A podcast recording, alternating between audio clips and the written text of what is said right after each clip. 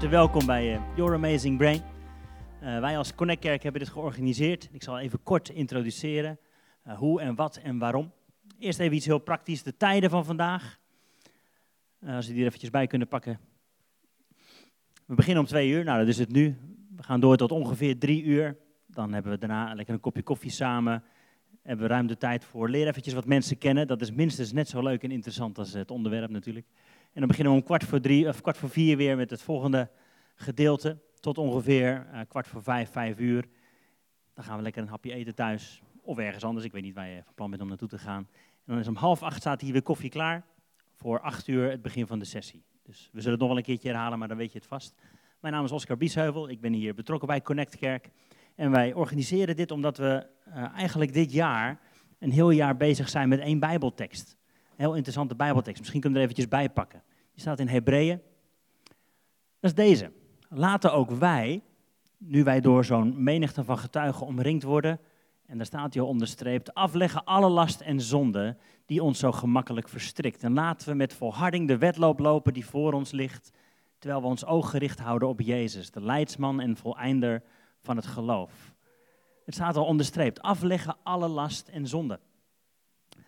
Ik weet niet hoe jij opgevoed bent of wat voor beeld je hebt bij, bij het christendom of bij het christelijk leven, maar dit is niet altijd het beeld wat we ervan hebben. Terwijl dit wel Gods hart voor ons is, dat we onze lasten mogen afleggen. En we hebben daar een hele serie over gehad en die hebben we genoemd Leven in Vrijheid.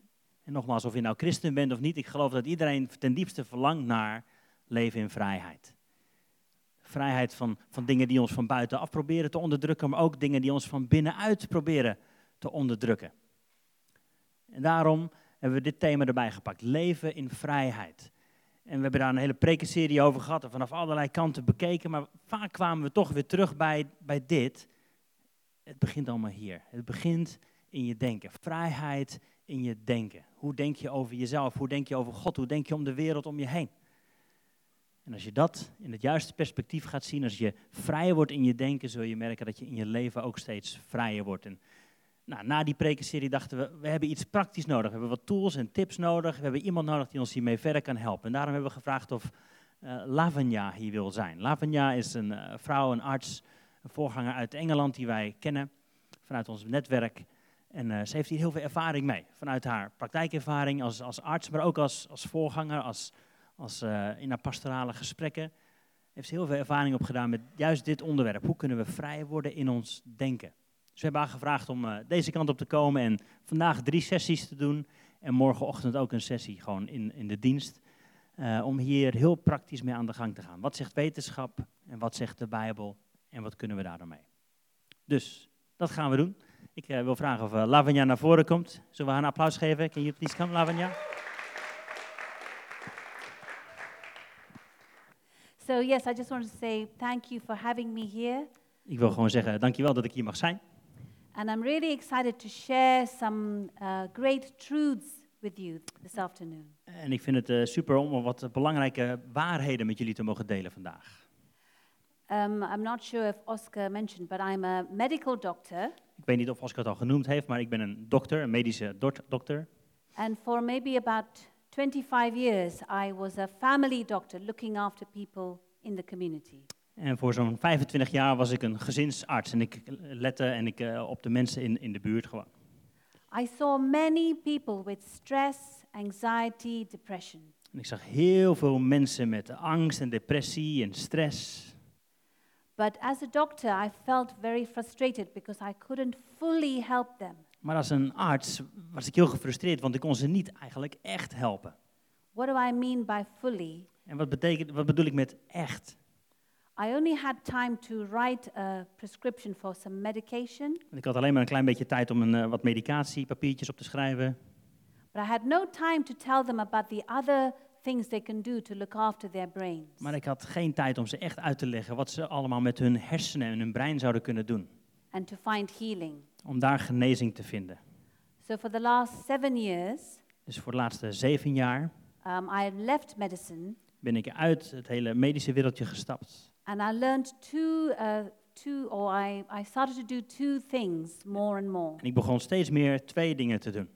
One is that I pray for people. Dus het ene is dat ik bid voor mensen.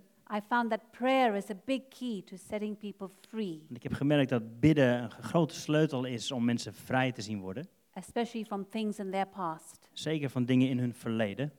But the second thing I do is I teach about the brain, En het tweede wat ik doe is, ik geef onderwijs over je brein. which is what I'm going to do today. En dat ga ik vandaag ook doen. So I'm going to teach you um, basically how amazing your brain is. Dus ik ga je eigenlijk vertellen hoe fantastisch je brein is. And I'm going to tell you things you would have never heard of before En ik ga je misschien dingen vertellen die je nog nooit eerder gehoord hebt. about how it works and what can go wrong. Over hoe het werkt en wat er fout kan gaan. But I'll also teach you how you can look after your brain Maar ik ga je ook helpen om, om goed te letten op je brein. and make it last for as long as you, you want to live. Eh, zodat je er veel langer en veel beter mee over, overweg kunt gaan. Is that good? Is dat oké? You're excited? Gaat het goed? Yes. Woo, very good. so, I don't know if you realize this, but your brain is the most important organ in your body.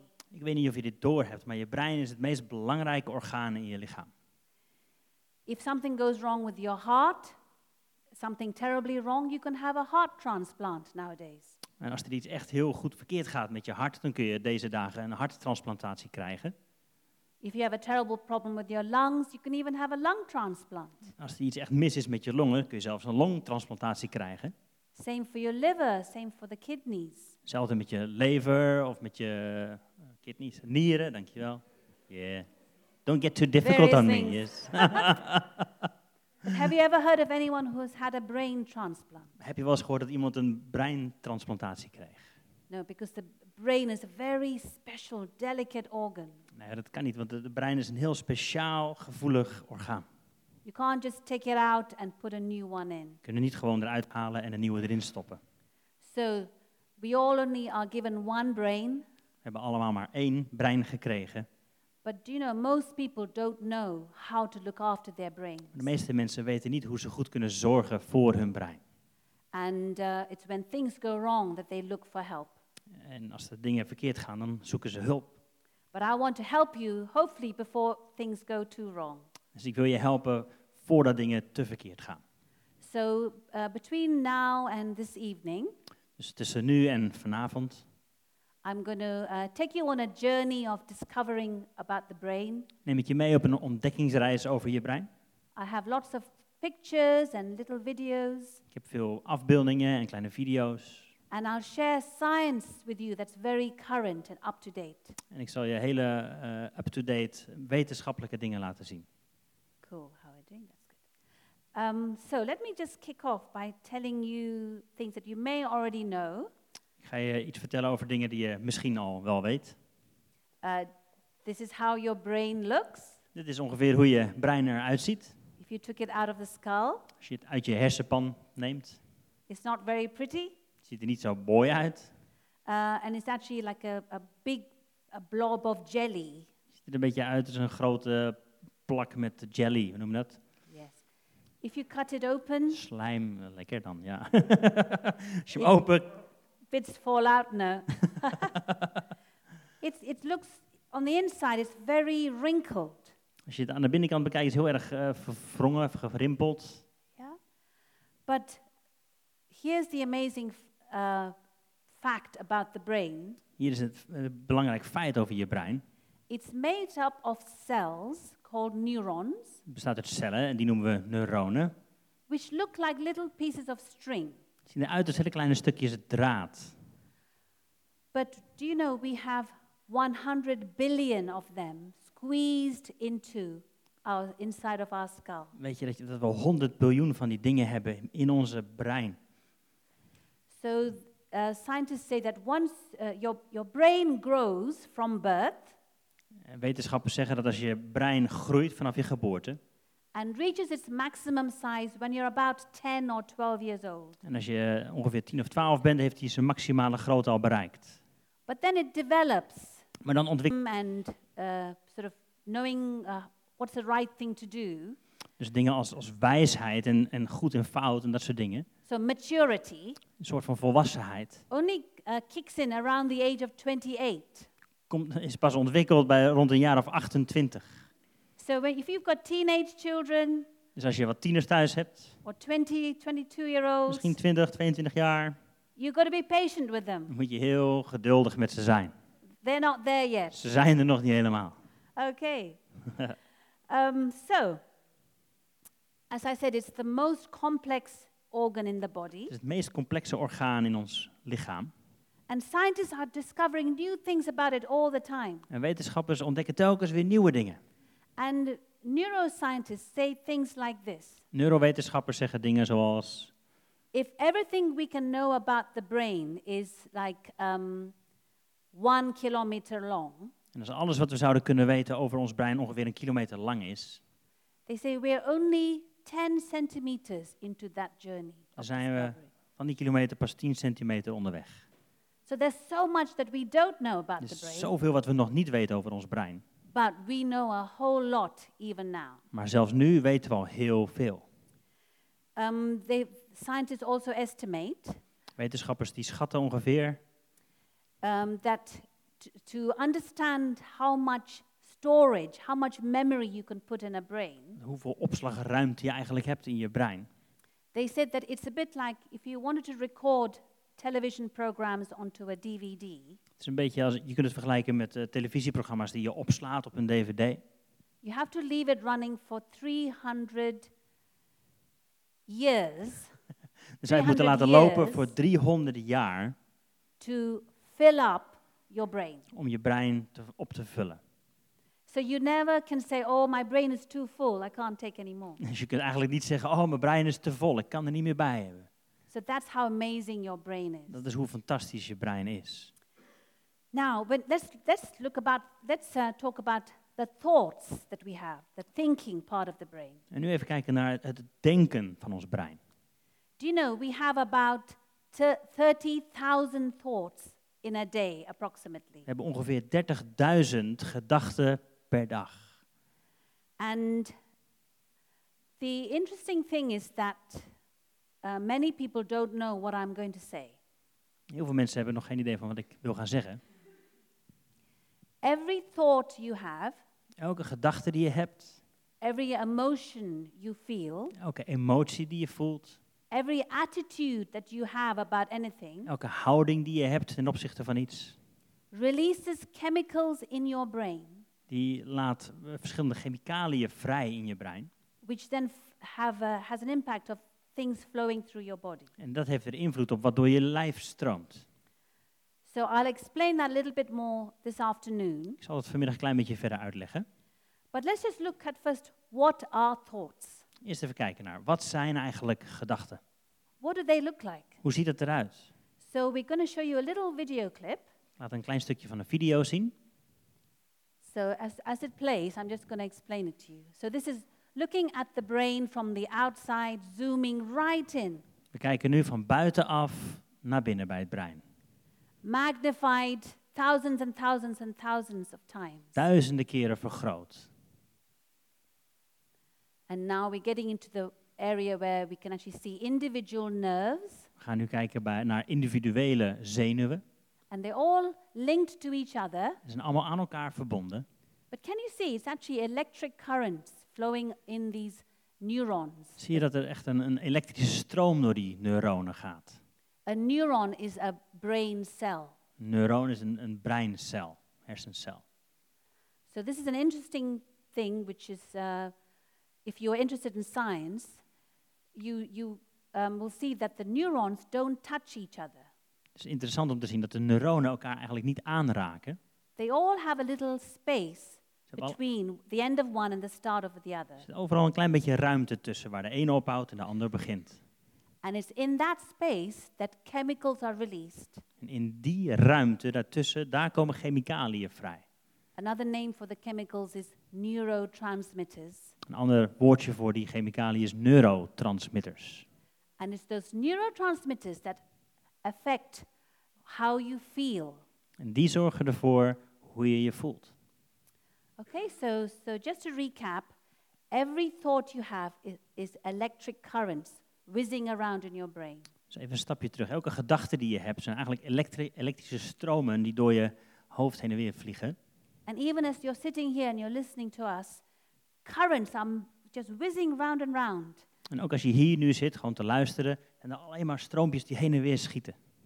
But they're all having an effect to release certain chemicals. Maar ze hebben allemaal invloed op chemicaliën die ze vrijlaten.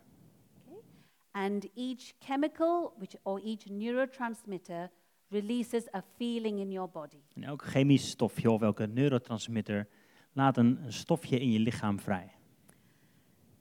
Science believes there's at least a hundred of these neurotransmitters in each person's brain. En eh, wetenschappers geloven dat er at least 100, je zei? At least a hundred. Min- minstens 100 van zulke neurotransmitters in ons brein zijn. and they don't even give, they haven't even given names to all of them. En ze hebben nog niet eens namen gegeven aan ze nou allemaal. But I'm going to tell you about the big four. Maar ik ga je vier grote belangrijke vertellen. You need to know about this big four. Deze grote vier moet je kennen. Are you ready? Klaar? Okay. Oké. The first one is called serotonin. De eerste heet serotonine. Okay, serotonin. How many of you have heard of the word serotonin? Heeft iemand er wel eens van gehoord, serotonine? So most of you, but not everyone. Oké, de meeste, niet iedereen. Okay. Many people have heard of serotonin because uh, scientists believe that when it's low, people get depression. Ehm, veel mensen zullen gehoord hebben van dat stofje serotonine, want wetenschap gelooft dat als er weinig van is, dan voelen mensen zich depressief. Because serotonin is a chemical that affects your mood, Serotonine heeft namelijk invloed op je, eh, op je houding, op je ge- gestel, op hoe je je voelt, your appetite, and how well you sleep. op je, op je honger eh, en, en hoe goed je slaapt. But basically, what serotonin does is it gives you a good feeling Wat serotonine doet, het geeft je een goed gevoel under certain conditions. onder sommige omstandigheden. So when I, so suppose I say, Oscar, you're doing such a great job. Stel well dat ik zou zeggen, Oscar, je doet het fantastisch, goed gedaan. Right now, I've just released serotonin in his brain. En ik, op dat moment heb ik serotonine in zijn lichaam vrijgezet.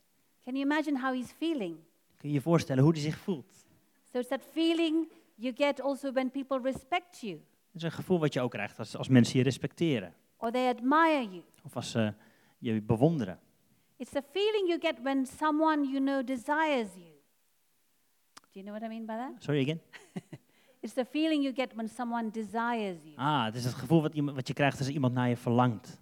You know, so if you know that someone's um, attracted to you and you're kind of playing a bit sort of shy, Dus als, als, als, als iemand zich aangetrokken voelt tot je en je zit er een beetje mee te spelen zo. but I want you to try and feel the feeling you get in, the, in that situation, Maar het gaat over dat gevoel wat je krijgt in zo'n situatie. And that's caused by serotonin. Dat heet serotonine. Okay, so do you understand? A brain chemical gives you a feeling. Een hersenchemikalie, een stofje, geeft je een bepaald gevoel. Let's go to another one. De the volgende dan. one. Endorphins. Endorfine. This is a group of drugs, uh, sorry, gr- a group of neurotransmitters, Dit is een groep van neurotransmitters. and they give you the feeling that you get when you're excited and really happy. Geven je het gevoel als je ergens heel erg opgewonden en blij over bent. It's released when you exercise, Het komt vrij als je sport, als je oefent, when you fall in love, als je verliefd bent, when you have sex, als je seks hebt and when you eat spicy food. en als je pittig eten eet. So all of those things release endorphins. Al die dingen laten endorfine vrij in je lichaam. Do any of you run for long distance? Wie rent er hier, lange afstandslopers? I don't know if you, if you have a name, but there's a thing called a runner's high. Ik weet niet of je dit in het Nederlands kent, maar er bestaat zoiets als een runner's high. You run, run, run, run, and after a certain point, you suddenly feel like a Je bent aan het rennen, rennen, rennen en op een gegeven moment krijg je dat, dat, dat, dat gevoel. that feeling is caused that feeling is caused by the release of endorphins. Dat gevoel komt omdat er endorfine wordt vrijgelaten in je lichaam. And it's interesting, it's actually released by your brain as a way of killing pain. En eigenlijk wordt het door je hersenen, door je brein vrijgemaakt om pijn te verminderen. So, you know, sometimes you hear stories of people who are running in a marathon, long way. En je hoort van mensen die, die wel eens een marathon rennen, Sorry, and then lange they afstanden fall, hurt themselves. of ze vallen of ze hebben ergens pijn. but they're able to get up and finish the race Maar ze zijn toch in staat om door te gaan, ondanks die pijn, en de race af te maken. because of that pain killing effect of the endorphin. Dat komt door het pijnstillende effect van deze endorfines. Endorphins are also released by laughing. Deze komen ook vrij als je lacht. So some of you just releasing it right now. Sommigen van jullie maken dat nu los, Also released by crying maar ook door huilen. And by starving yourself, anorexia. Het komt ook vrij wanneer je eh, je- jezelf uithongert bij anorexia. It's also released when people harm, self-harm, they cut themselves. Het komt ook vrij wanneer mensen zichzelf verwonden. Can you start to see why? Snap je waarom? So I've said to you that endorphins have a way of uh, soothing pain. Endorfine heeft een, een bepaalde manier van pijn verminderen. So many young people with pain in their hearts, Dus veel jonge mensen met pijn in hun hart, which they can't deal with, waar ze niet mee overweg kunnen gaan. they've somehow found if they cut themselves, Die hebben uitgevonden dat wanneer ze zichzelf snijden, they get a temporary relief of this pain in the heart dat er dan een tijdelijke vermindering is van deze pijn in het hart. because of this chemical. Dat komt door dit chemische stofje. Let's go to the third one, De derde dan. neurotransmitter, De derde neurotransmitter, oxytocin. Oxytocine. So this is the chemical, uh, sorry, this is the neurotransmitter that's released when you touch and hug somebody. Dit komt vrij wanneer je mensen aanraakt of knuffelt. It's released when a woman gives birth Het komt ook vrij wanneer een vrouw eh, kinderen baart. and when she holds the baby in her arms, En wanneer ze het kind vasthoudt, she gets a release and so does the baby. dan krijgt zij daar een stoot van, maar haar baby ook. And it helps them to bond. En het helpt bij het verbinden. It helps the mother to fall in love with this uh, wrinkled little thing in her arms. Het helpt de moeder om verliefd te worden met dit gerimpelde kleine dingetje in haar armen. So the mother can say, This is the most beautiful baby in the whole hospital En daarom kan de moeder ook zeggen, dit is het meest mooie kindje in het hele ziekenhuis. because of this neurotransmitter. Dat komt door deze neurotransmitter. This is also released when you're in a group of people where you feel safe Dit komt ook vrij wanneer je in een groep mensen bent waar je je veilig voelt. and helps you to trust the others. En waar je mensen kunt vertrouwen. So, can you see when you um, are sitting, when you're in a family Zie je wanneer je in een gezins- of een familiesituatie bent, or some, some form of group, of een andere soort van groep, when you're sitting and talking and sharing life, wanneer je daar aan het zitten en praten bent en je deelt het leven en het hart, oxytocin is released dan komt de oxytocine vrij. And makes you feel good and safe. En dat laat je veilig en goed voelen. I think that's why in this generation, Ik denk dat daarom in deze generatie, when there's so much family breakdown, waar zoveel gezinsopbrekingen zijn, people don't eat together anymore, they're mensen watching eten niet television, meer altijd samen, maar ze kijken tv, people are not getting that safe feeling anymore. dan krijgen ze dus dat veilige gevoel niet meer. But you can easily restore it Maar je kunt het wel herstellen by finding people to hang out with. door een groep mensen te zoeken waar je deel van uit kunt maken. Great. Now let's talk about the fourth one, Nummertje 4 dan. fourth neurotransmitter. Vierde neurotransmitter, It's called dopamine. dopamine. And then this is released when you're about to get a reward or you get the reward. Dit komt vrij bij wanneer je bijna of helemaal die beloning krijgt. So you could be a, um, a marathon runner who's just won the race. Je, je kunt misschien een, een marathonloper zijn die net de race gewonnen heeft. And you get this great feeling and you put your hands in the air. Fantastisch gevoel en je gooit je handen omhoog. But it's also released in the same runner when he's just a few yards from the finishing line. Maar het komt ook vrij bij dezelfde loper, een paar meter vanaf die finish. And when it's released, it like it gives him an extra bit of energy to suddenly go faster for a few more seconds. En omdat het vrijkomt, geeft het iets meer energie om nog een klein beetje harder te lopen. Imagine a neurotransmitter chemical does that to your body. Dat is, dat is wat een neurotransmitter, een stofje, doet voor je hele lichaam. It's also released, you know, when we see football uh, players, they kick the winning goal. Het komt ook vrij wanneer we kijken naar voetbal en ons favoriete team maakt het winnende doelpunt. And when they kick th- that goal, do they say, Oh, that was so good, well done? En als ze dat doelpunt gemaakt hebben, zeggen ze dan, oh, dat was eh, knap, ja, goed gedaan. Well done for ja, kicking goed gedaan, goal. leuk, doel- ja, mooi doelpuntje hoor. Ja. Do they do that? Doen ze dat op die manier? No, they're Nee. jumping and they're kissing Ze and they're springen en hugging. ze huggen en ze knuffelen. It's because of the dopamine effect. Dat komt door het dopamine-effect. Now, dopamine is also released when you eat chocolate. Het komt ook vrij wanneer je chocola eet. And blue cheese. En blauwe kaas. So Houdt iemand van blauwe kaas? Houdt iemand ervan? Come on. so,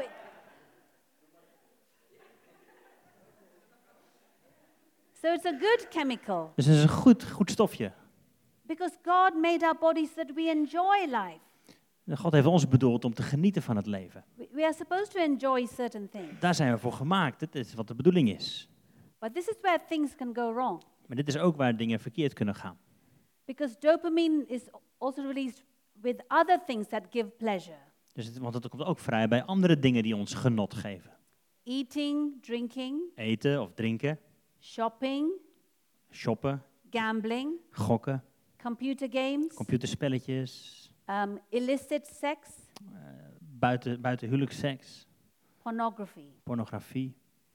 All those things release dopamine Al die dingen laten dopamine vrij and give you a high. en geven je een soort van high gevoel. And the usual reason people are attracted to those things En de gebruikelijke redenen waarom mensen tot dat soort dingen zich aangetrokken voelen, is again because of pain in the heart. is vaak omdat er ergens een pijn in hun hart zit. That this dopamine release gives a temporary fix. En omdat ze dat gevoel van die, wat die dopamine vrijlaat, dat geeft ze een tijdelijke ontspanning daarin. And can you see that how that's how addictions begin? En zie je dat dat is vaak hoe verslavingen beginnen. When we talk about cocaine, Als we het over cocaïne hebben, did you know that cocaine releases a massive amount of dopamine in your brain? wist je dat cocaïne enorme hoeveelheden dopamine vrijzet in je lichaam. More than any amount of chocolate or blue cheese. Meer dan wat voor chocola of blauwe kaas dan ook. It's and it gives the person such a high Dat geeft die persoon zo'n high that the brain says to the person, dat het brein tegen de persoon zegt: That was amazing, do it again. Dat was fantastisch, doe het opnieuw. And the brain wants that feeling. En het brein verlangt naar dat gevoel. So the person keeps uh, taking more and more cocaine to look for that same high. Dus die persoon blijft meer en meer cocaïne gebruiken om diezelfde high te bereiken. But actually, they will never get that same high. Maar eigenlijk bereiken ze dat nooit meer. But you can read that up in your own time about the whole way in which drug addiction works. Maar je kunt daar meer over lezen, over drugsverslavingen. So, these are the big four, okay? Dus dit zijn de belangrijke vier. So I've got a slide, maybe the next slide. Deze dan. Okay, these chemicals keep you happy. Deze stofjes maken je blij.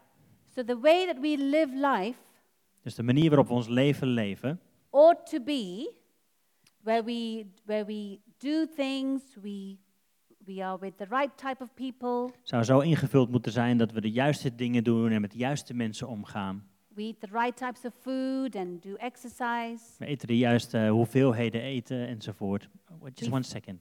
Uh, ik zie sommige mensen wat fotootjes maken, dat is prima. Uh, de presentaties worden ook gewoon beschikbaar gesteld. Dus dan kun je je telefoon lekker uh, in je zak houden, oké? Helemaal goed. Cheers. Um, and even we, we, we do things that have a purpose and a, and a destiny. En het is belangrijk dat we ons leven vullen ook met dingen die het juiste doel bereiken. Because that's what releases the dopamine correctly. Want daardoor komt die dopamine op een goede manier vrij. So, if we have a balanced life, we should have a happy brain. Dus als we een gebalanceerd leven leiden, hebben we ook een gezond brein. Um, but of course, we all know in life things go wrong. Maar we All weten allemaal, in elk leven gaan wel dingen verkeerd. So, I'll talk to you about some of the things we can do to, to bring our brains back into health if we've gone off. Dus ik wil je wat dingen vertellen over eh, hoe, hoe we ons brein weer terug kunnen krijgen bij die gezonde, blije status. Now, for this next part, I want to talk to you more about your thoughts. Dus voor de komende eh, tijd wil ik iets meer vertellen over je gedachten. and the way that you think. En de manier waarop je denkt. Your thoughts are more powerful than you realize. Je gedachten zijn veel krachtiger dan je nu beseft. Okay? And I want to just show you a little video clip. En ik wil je een klein videostukje laten zien. It's about uh, three minutes long. Het is ongeveer drie minuutjes. So I, I'm not sure if we've got the translation underneath. Ik weet niet zeker of de vertaling erbij is. It's in English. Het is in het Engels. and the person's speaking very fast. Hij spreekt best heel snel. But if you don't, if, if, you, if we don't have the Dutch subtitles, don't worry. Dus als de Nederlandse vertaling er niet bij is, maak je geen zorgen. We'll give you the summary at the end. Dan geven we je een samenvatting aan het eind. Oké? Okay. Have a look at this. Korte samenvatting nodig? Je vindt dat prettig? Korte samenvatting? Ja? Eh, korte samenvatting is de, kracht van je gedachten. Dat zijn twee voorbeelden van mensen die eh, piano eh, oefenen een paar uur per dag. Fysiek, maar ook een, paar uur mensen, een groep mensen die dat alleen maar in hun gedachten deed. En de ontwikkeling ging bijna even snel. Dus de dingen die je in je gedachten doet, hebben heel veel effect op ook hoe je lijf zich dus ontwikkelt. Het tweede voorbeeld ging over krachttraining. Er was een groep mensen die dat echt fysiek deed. En die, die ontwikkelde 30% meer spieren. Er was ook een groep die dat alleen maar in hun gedachten deed. En daarmee ook 22% groeide. Dus ongelooflijke kracht van je denken en hoe dat je fysieke lichaam gewoon ook echt verandert. That's it. Yo, you go for a sit. Good. That's okay. Did he explain that well? Was dat oké? Yeah. Dankjewel. Give him a clap. Give him a clap. Oh. I, I, I feel all the chemicals now, yeah. yeah. Good. Ik voel alle stofjes door mijn lijf stromen. So the main point of that video Dus het belangrijkste eh, punt van deze video is to show that the way you think heeft ermee te maken dat de manier waarop je denkt and what you think about en waaraan je denkt, uh, thickens and strengthens part of your brain, maakt je eh, stukken, stukken van je brein echt sterker en dikker. but even has an effect on your muscles in your body. Maar het heeft dus ook effect op je, de spieren in je lijf. It's powerful how it's all connected. Het is heel krachtig hoe dat allemaal met elkaar in verbinding staat. So, you know, um, I don't know if you know this, Ik weet niet of je dit weet, but these uh, famous golf players, maar deze bekende golfspelers, tennis players, tennisspelers, professionals, professionals, their coaches actually tell them hun coaches vertellen ze that every day they need to sit in their houses, dat elke dag ze even thuis moeten gaan zitten, close their eyes, hun ogen dicht moeten doen. and actually imagine the golf swing. En gewoon nadenken over hun golfswing or do the tennis shots. of hun tennisslagen. But don't move your hands, maar niet bewegen, but just close your eyes and imagine it over and over again. even je ogen dicht doen en het je tel- jezelf telkens weer voorstellen, opnieuw en opnieuw. So these sports uh, psychologists are tapping into that power of the brain. Dus deze sportpsychologen die, die, die linken dus met de kracht van het brein. So this ability that the brain has to change its uh, shape, change its structure, has got a name. En eh, dit, eh, deze waarheid dat je je brein echt je lichaamsstructuur kan aanpassen, heeft een naam. It's called neuroplasticity. En dat heet neuroplasticiteit. It's to come up behind you. Ja, als het goed is. Um, so just the word. Neuroplasticiteit, als, als die erbij zit. No? Oké. No? Anyway, they, they, Ja, you translated it. neuroplasticiteit. Yes? So yes. all that word means, neuroplasticity, Neuroplasticiteit. it just means that the nerves in your brain are changeable, moldable. Dat betekent zoiets dat de, de cellen, in je, de, de zenuwen in je brein echt veranderbaar en kneedbaar zijn. Yeah. And there's this guy called Dr. Hebb, Dus deze man, Dr. Hebb, and he says he or he discovered that this is how uh, the nerves, the little nerves in the brain, how they work together. en hij heeft ontdekt hoe deze zenuwen in het brein met elkaar samenwerken. And he developed a theory, which I'm going to share with you now. En hij heeft daar een theorie over ontwikkeld. He said nerves that fire together wire together. In het Nederlands is het een beetje lastig te vertalen, maar eh, zenuwen die samen werken, die blijven samen. And you might say, so what? Dus je zou je afvragen, ja, oké, waarom? Hoe, wat dan? It's because of that that you're going to get all these changes by doing something again and again. En daardoor krijg je die veranderingen in je leven door iets telkens opnieuw en opnieuw te doen. And then the opposite is true. If nerves stop firing together, they will just fall apart. Het tegenovergestelde is ook waar, want als die niet meer samen blijven werken, vallen ze ook uit elkaar. And as we go on throughout the afternoon, you'll see why that's important to, to know. En in de loop van Oké. deze middag zal blijken waarom dit belangrijk is. I'll just show you a quick little video of how that actually works, a, a computer simulation. Ik zal je een kort filmpje laten zien, een computersimulatie van hoe dit eigenlijk werkt. So you can see these are your nerves with all the electric current flowing around. Dit zijn jouw zenuwen met al die elektriciteit die daar rondvliegt. So these nerves are forming a circuit because they're being used again and again. Dit, deze vormen een soort van circuit, want ze blijven werken opnieuw en opnieuw. Maybe a certain uh, piano player or a golf swinger, Misschien is golf dit een player. pianospeler of een golfspeler die telkens opnieuw die acties doet. Can you see that the nerves are getting bigger Dan and kun je thicker? zien dat ze dikker en sterker worden. But what's not being used is falling apart. En wat niet gebruikt wordt, dat valt uit elkaar.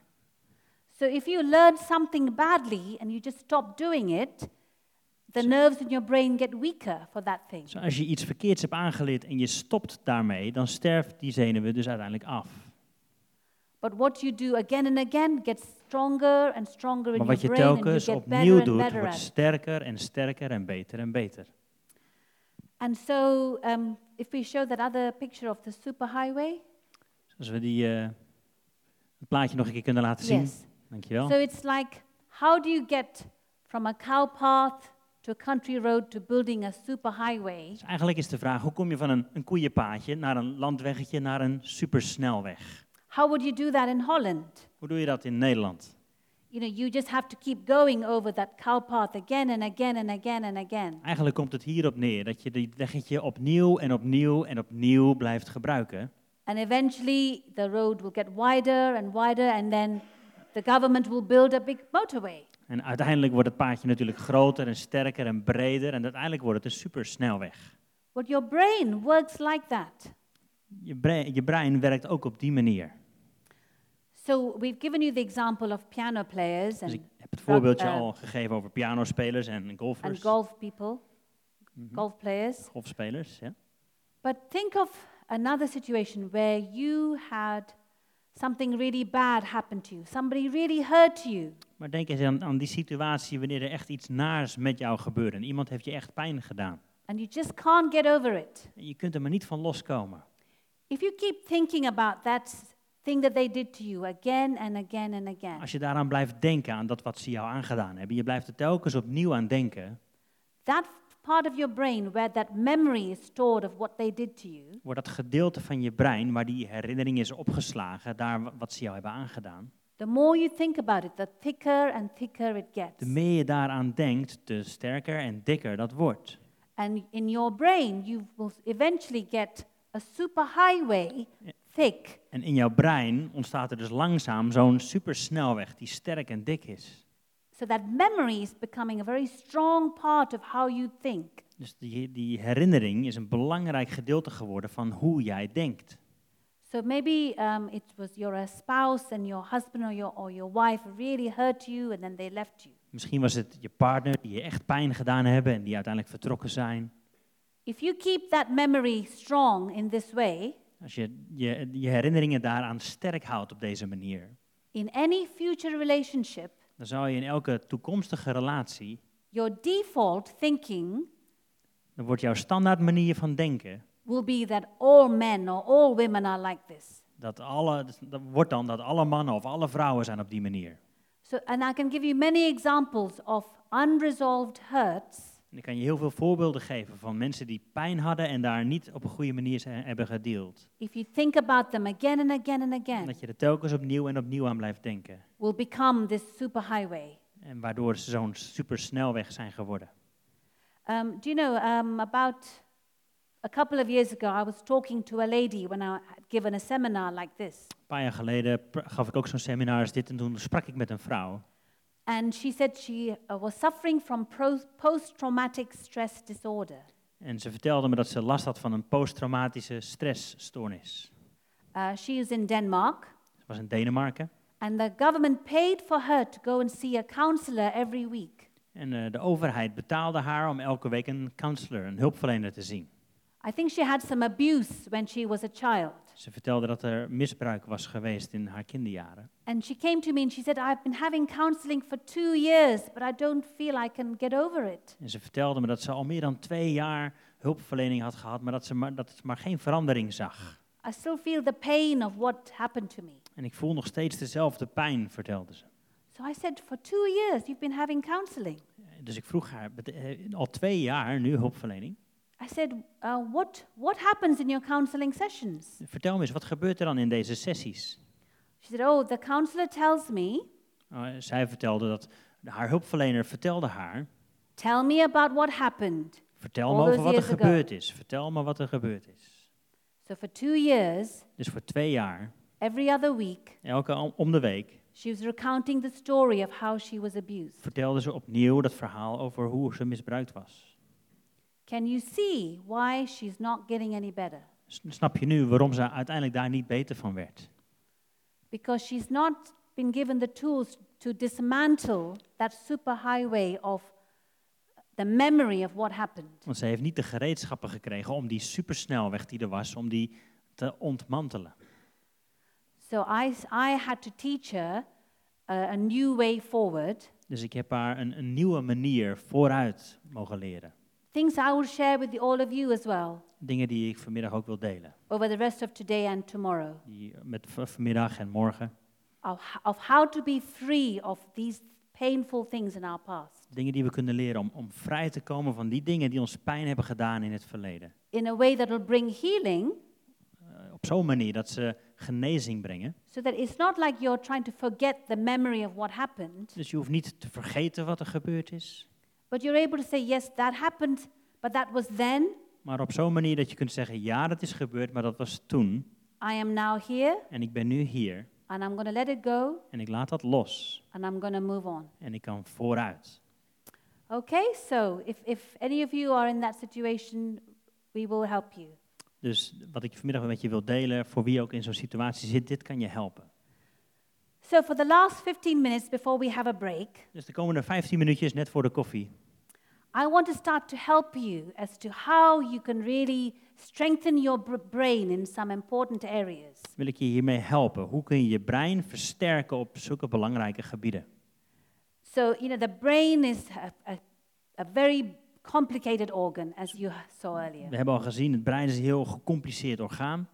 But I want to focus on three areas Maar ik wil drie belangrijke gebieden pakken, that will really change your life if you take on board what I'm going to tell you now. die echt je leven kunnen veranderen als je meeneemt wat ik je wil uitleggen. So, if we could put up the next slide, which shows the brain from the side. Yeah. Hier is het volgende plaatje. So, this is looking at the brain from the side. We kijken nu naar het brein vanaf de zijkant. So, there are three parts I want you to just think about Drie belangrijke gebieden waar ik met je naar wil kijken. Prefrontal cortex, De prefrontale cortex, the amygdala, de amygdala and the hippocampus. en de hippocampus. Okay? So, let's look at the prefrontal cortex. Eerst first. naar de prefrontale cortex. That's at the very front part of your brain, Dat zit helemaal vooraan hier in je brein. and it's the part, as I said earlier, that it develops, it matures fully when you're once you're about 28. Ik heb je net uitgelegd, dat is pas echt uitontwikkeld rond je 28ste. And it's that part of you that you use to make decisions, En dus dat eh, gedeelte wat je gebruikt om beslissingen te maken. solve problems, Om oplossingen te vinden voor problemen. understand things, what's going on around you. Om goed dingen te kunnen begrijpen wat er om je heen gebeurt. It's that part of you that helps you to control your impulses. En dat, dat gedeelte helpt je ook om je impulsen onder controle te houden. Do I eat that donut or do I just hold back? Eet ik die donut of laat ik hem toch maar eventjes liggen? Is that part of you that, that helps you to be creative and expressive Dat is ook dat gedeelte wat je helpt om creatief en expressief te zijn. and also helps you to persevere when times are tough? En het helpt je ook om door te zetten als het even moeilijk wordt. So let me just give you um, a few different things you can do even from today Laat me je een paar dingetjes noemen die je ook vanaf vandaag zou kunnen doen. to, to thicken and strengthen that prefrontal cortex. Om die prefrontale cortex te versterken en te verstevigen. Remember, I said to you, you can grow your brain because of neuroplasticity. Door die neuroplasticiteit, legde ik net uit, kun je je brein echt versterken en laten groeien. Okay, so the first thing is Het eerste ding is, Uh, do you have this expression in uh, Holland where they say, put on rose colored glasses? Heb je ook deze uitdrukking in Nederland? Zet een roze zonnebril op, roze bril. Where you just ha- you're optimistic about the future. Waardoor je optimistisch kijkt naar de toekomst. Even when things are not good around you, Zelfs van- als dingen om je heen niet goed zijn, you find it in you to say, no, things will change. dan kun je het in je vinden om te zeggen, nee, dingen zullen veranderen. If you're here and you believe in God, Als je hier bent en je gelooft in God, you might say, God is going to help me through this. I'm going to come out of it. dan zou je kunnen zeggen, God gaat me hier doorheen helpen, ik zal hier uitkomen. Do you know, whenever you even speak or think like that, En weet je dat zelfs wanneer je dat uitspreekt of wanneer je dat bedenkt, dopamine is being released dan komt de dopamine vrij. and it's giving you a little good feeling, even Dat- for a few En moments. het geeft je een goed gevoel, ook al is het voor een paar momenten. But that will expand that front part of the Maar brain. uiteindelijk wordt ook dat gedeelte van je brein daardoor groter en sterker. The next thing that helps that part of the brain is good sleep. Het volgende wat eh, dat stuk van je hersenen helpt is goed slapen. Now, if there are some of you here today and you're not having good sleep, I'm going to be able to help you by the end of the day. Aan het eind van deze dag, voor die mensen die niet goed kunnen slapen, ik heb een paar tools voor je waarmee je dat beter zal gaan. But even obvious things like switching off your iPhones an hour before bed, Hele simpele dingen zoals doe je telefoon eventjes weg een uur voordat je gaat slapen. following a sleep routine Heb een soort van slaaproutine. will all help this part. Dat helpt dit gedeelte van je brein. Um, movement, any kind of movement, Beweging, wat voor vorm van beweging dan ook. Sport. Sporten, dance, dansen. all of that actually changes your brain. Al, al dat soort dingen eh, eigenlijk veranderen en versterken je brein. Gratitude. Dankbaarheid. In England, there's a big thing right now where everyone's, all the psychologists and scientists are talking about gratitude, the power of gratitude. In Engeland hebben ze zijn ze dat steeds meer aan het ontdekken. Ook wetenschappers die ontdekken de kracht van dankbaarheid. Because they found that just a few minutes a day of just saying thank you, I, I'm, you know, I'm so thankful for my life. Want I'm ze so hebben thankful uitgevonden dat ook al is maar een paar minuutjes per dag waarop je dat uitspreekt of bedenkt, gewoon een dankbare houding hebben. Thank you, God, for all the blessings that you have given me. Dank u God voor alle zegeningen die u mij gegeven hebt. A few minutes a day will grow this part of the brain. Een paar minuutjes per dag laat dat stuk van je brein groeien en ontwikkelen. Giving hugs. Hugs geven. So, you know, if you want to practice and give someone next to you a hug, Dus als je eventjes wilt oefenen, geef diegene naast je even een lekkere knuffel. that has the effect of strengthening your brain. Dat helpt je brein om sterker te worden. Any kind of um, playful thing where you just start to have some fun, En ook dingen waarmee je gewoon lekker eh, spelende wijze dingen hebt. Een beetje plezier maken. you know, laughing, giggling, anything like that. Lachen, giechelen, dat soort dingen. Um, and also, um, I don't know if you do this, but suppose you have a shopping list, En ik weet niet of jij dit doet, maar stel je voor, je hebt een eh, boodschappenlijstje. or you have to remember some facts for an exam. Of je moet wat, wat feitjes onthouden voor een examen. Do some of you make up a silly rhyme or draw cartoons Wie doet het wel eens van die ezelsbruggetjes of tekeningetjes? Of All of that helps this part of the brain. al dat soort dingen helpen dat gedeelte van je brein. Serving or volunteering Dienen of vrijwilliger zijn, dat laat ook dit stukje je brein groeien. So whether you're in a community or in the church, just be people who serve. Of dat nou in, in je gemeenschap is of hier in een kerk, helpt, dat helpt je om te groeien. And the last thing in that area is juggling. Sorry? Juggling. Juggling, oh, hoe, hoe heet dat ook alweer? Jong leren, ja, oh boy. So Jong leren, Hel- dat helpt. I Oké. just throw that in. Ja, doe ermee wat je wilt. So the next, um, the next part is this part, the hippocampus. Volgende gedeelte is daar rechts, dat hippocampus. So that's the part of you that, as you can see, is involved with memories. Zoals je hier kunt zien op dit plaatje, hippocampus heeft te maken met je herinneringen. So you can actually make an effort to remember things, Je kunt, je kunt je best doen om dingen te herinneren, te onthouden. whether it's stories or lists, Of dat nou met lijsten is of met verhalen. which will actually expand that part of the brain. En dat laat dat, dat laat dat gedeelte van je brein ook groeien. There was an interesting study done in London some years ago. Een paar jaar geleden was er een studie gedaan in Londen. You can put up that slide of the bus. Misschien kunnen we de plaatje van die bus eventjes laten zien. So Okay, so you in English that says, if you are in London, um, can you Ja, translate that? ja, hier staat, als jij in Londen zou wonen en je zou je hippocampus willen laten groeien, welke baan zou je dan kiezen? Who has the biggest hippocampus? Wie heeft de grootste hippocampus, denk je? The Links bus of driver rechts? or the London taxi driver? Buschauffeur of de taxichauffeur? Who said the London taxi Wie zegt driver? de taxi?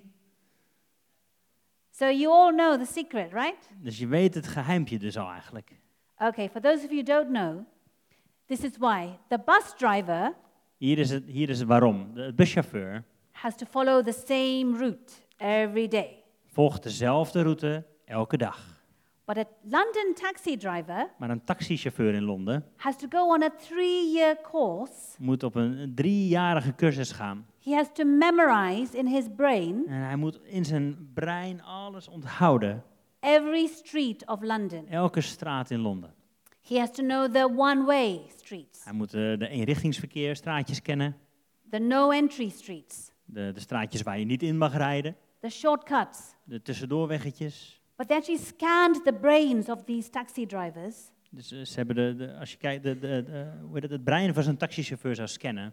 and they found that the, all their hippocampus were bigger than, than non than other taxi drivers. En ze vonden dat, dat de hippocampus van deze taxichauffeurs vele malen groter was dan mensen die dat niet deden. and London bus drivers.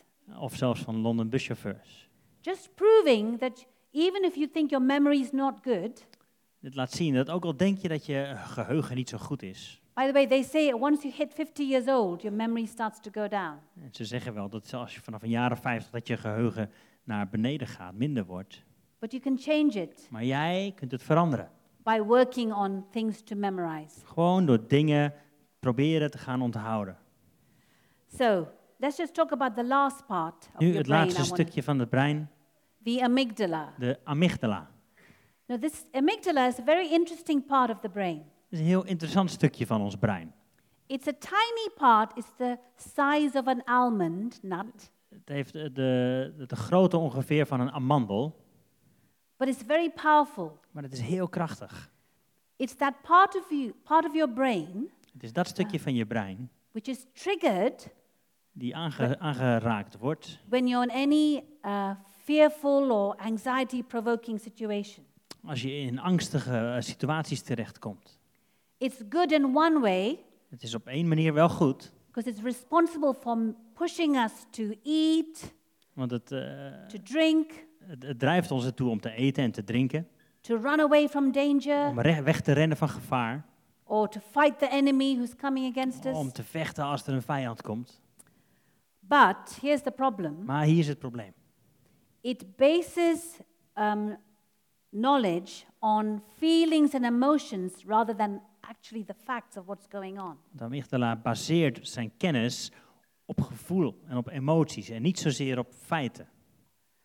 So, for example, if you are now, after this, you're going to go for some coffee, Dus bijvoorbeeld, hierna ga je wat koffie drinken and someone you know well, en iemand die je goed kent, maybe Oscar himself, misschien ik, he walks past you and he doesn't say hello. en hij loopt gewoon voorbij en hij zegt geen gedag. And you think, how rude. En je denkt bij jezelf, "Tsch, dat is echt brutaal. I've paid to come to this course, Dus ik heb betaald om hier naartoe te komen and he didn't even acknowledge me. en hij kijkt me niet eens aan. So, let's see. If your amygdala kicks off first, En als je amygdala meteen aanspringt, it will say, I have been rejected. eh, dan zal het meteen zeggen, ik ben afgewezen. How dare he do this to me? Hoe durft hij dat te doen? But hopefully, your prefrontal cortex, Maar hopelijk zegt je prefrontale cortex, that logical part of you, dat logische stukje van jou, tells yourself, hang on, hang on. die zal tegen je kunnen zeggen, even rustig. Maybe he's just heard that the kettle is boiled over and he's got to go and sort out the, all the mess. Misschien heeft hij net gehoord dat er iets aan het aanbranden is en dan gaat het eventjes oplossen. And he just has to dash. En hij moet gewoon die kant op. But the problem is that when we grow up in our younger years, Het probleem is dat in onze jongere jaren, als we opgroeien, if we grew up in very anxiety provoking families, als we opgroeien in een familie waar, waar angstige situaties gebeuren, where there was a lot of tension and arguing, waar, waar er veel spanning en ruzies waren, and or we were abused, of we werden eh, misbruikt, mishandeld, that amygdala has actually got a bit bigger than it ought to be. dan is die amygdala eigenlijk groter geworden dan die zou moeten zijn. And usually those people find it hard to not go by their feeling. En dan vinden de meeste mensen het moeilijk om niet uit te gaan van hun gevoel. They find it hard to think logically and Dan vinden ze het moeilijk om logisch na te denken. but it's not impossible. Maar het is niet change. onmogelijk om, om te veranderen. Okay? So as I said to you, the Hebs rule earlier, do you remember? Nerves that um, fire together, wire together. En ik heb je net uitgelegd, hè, de regel van HEP, die eh, onderzoeker. De zenuwen die samen blijven werken, die blijven samen sterker. So people who've grown up in anxiety-provoking situations Dus als mensen opgegroeid zijn in zo'n angstige situatie, have to now go on a uh, uh, pathway to convert from superhighway back down to cow's path die moeten eigenlijk de andere kant op gaan werken. Om van supersnelweg terug te gaan naar een koeienpaadje. Om die stukken minder sterk te laten worden. As I said, we'll talk about that later. Ik zal daar later wat meer over vertellen. And another good thing is that the amygdala will also shrink with certain types of meditation. En het goede nieuws is ook dat met sommige eh, manieren van mediteren die amygdala ook kan krimpen. And science has proved that with brain scans. En dat heeft wetenschap ook onderstreept of laten zien met, eh, met hersenscans. But um, just as I finish off, Nu eventjes om af te sluiten, I'll leave you with this thought. wil ik graag deze gedachte meegeven. Psychologists say this Psychologen zeggen dit. that with all this knowledge about the brain and how it can change, Dat met al deze kennis over ons brein en over hoe dat kan veranderen, the people who are the hardest to help de mensen die het moeilijkst zijn om te helpen, are the ones who want to remain like the victim. zijn de mensen die graag slachtoffer willen blijven. They want people to, to feel bad for them. Ze willen graag dat mensen medelijden met ze hebben. They want people to say, Oh, you poor thing, you must have had a hard life. Die willen dat mensen blijven zeggen, oh arme jij, je hebt het vast moeilijk gehad. And they don't want to move on. En ze willen eigenlijk niet echt vooruit. So, as we just break for coffee, Dus als we straks uiteen gaan voor het pauze, um, let me just pray for wil you. ik graag een gebed uitspreken. So, Father God, Vader God, I thank you that we are able to understand the brain. dank u wel dat we ons brein kunnen begrijpen. I thank you that there are so many great things that we're discovering about this beautiful brain you've given us. Dank u wel dat we zoveel fantastische dingen aan het ontdekken zijn over het brein wat u ons gegeven hebt. But Father, if there's any areas that we need to move on from, Maar vader, als er gebieden in ons leven zijn waarvan we vooruit mogen bewegen, would you just help us today, Father? wilt u ons daarmee helpen, vader? We just look to you for help. We kijken naar u voor hulp. Amen. Amen. Thank you. Dank jullie wel.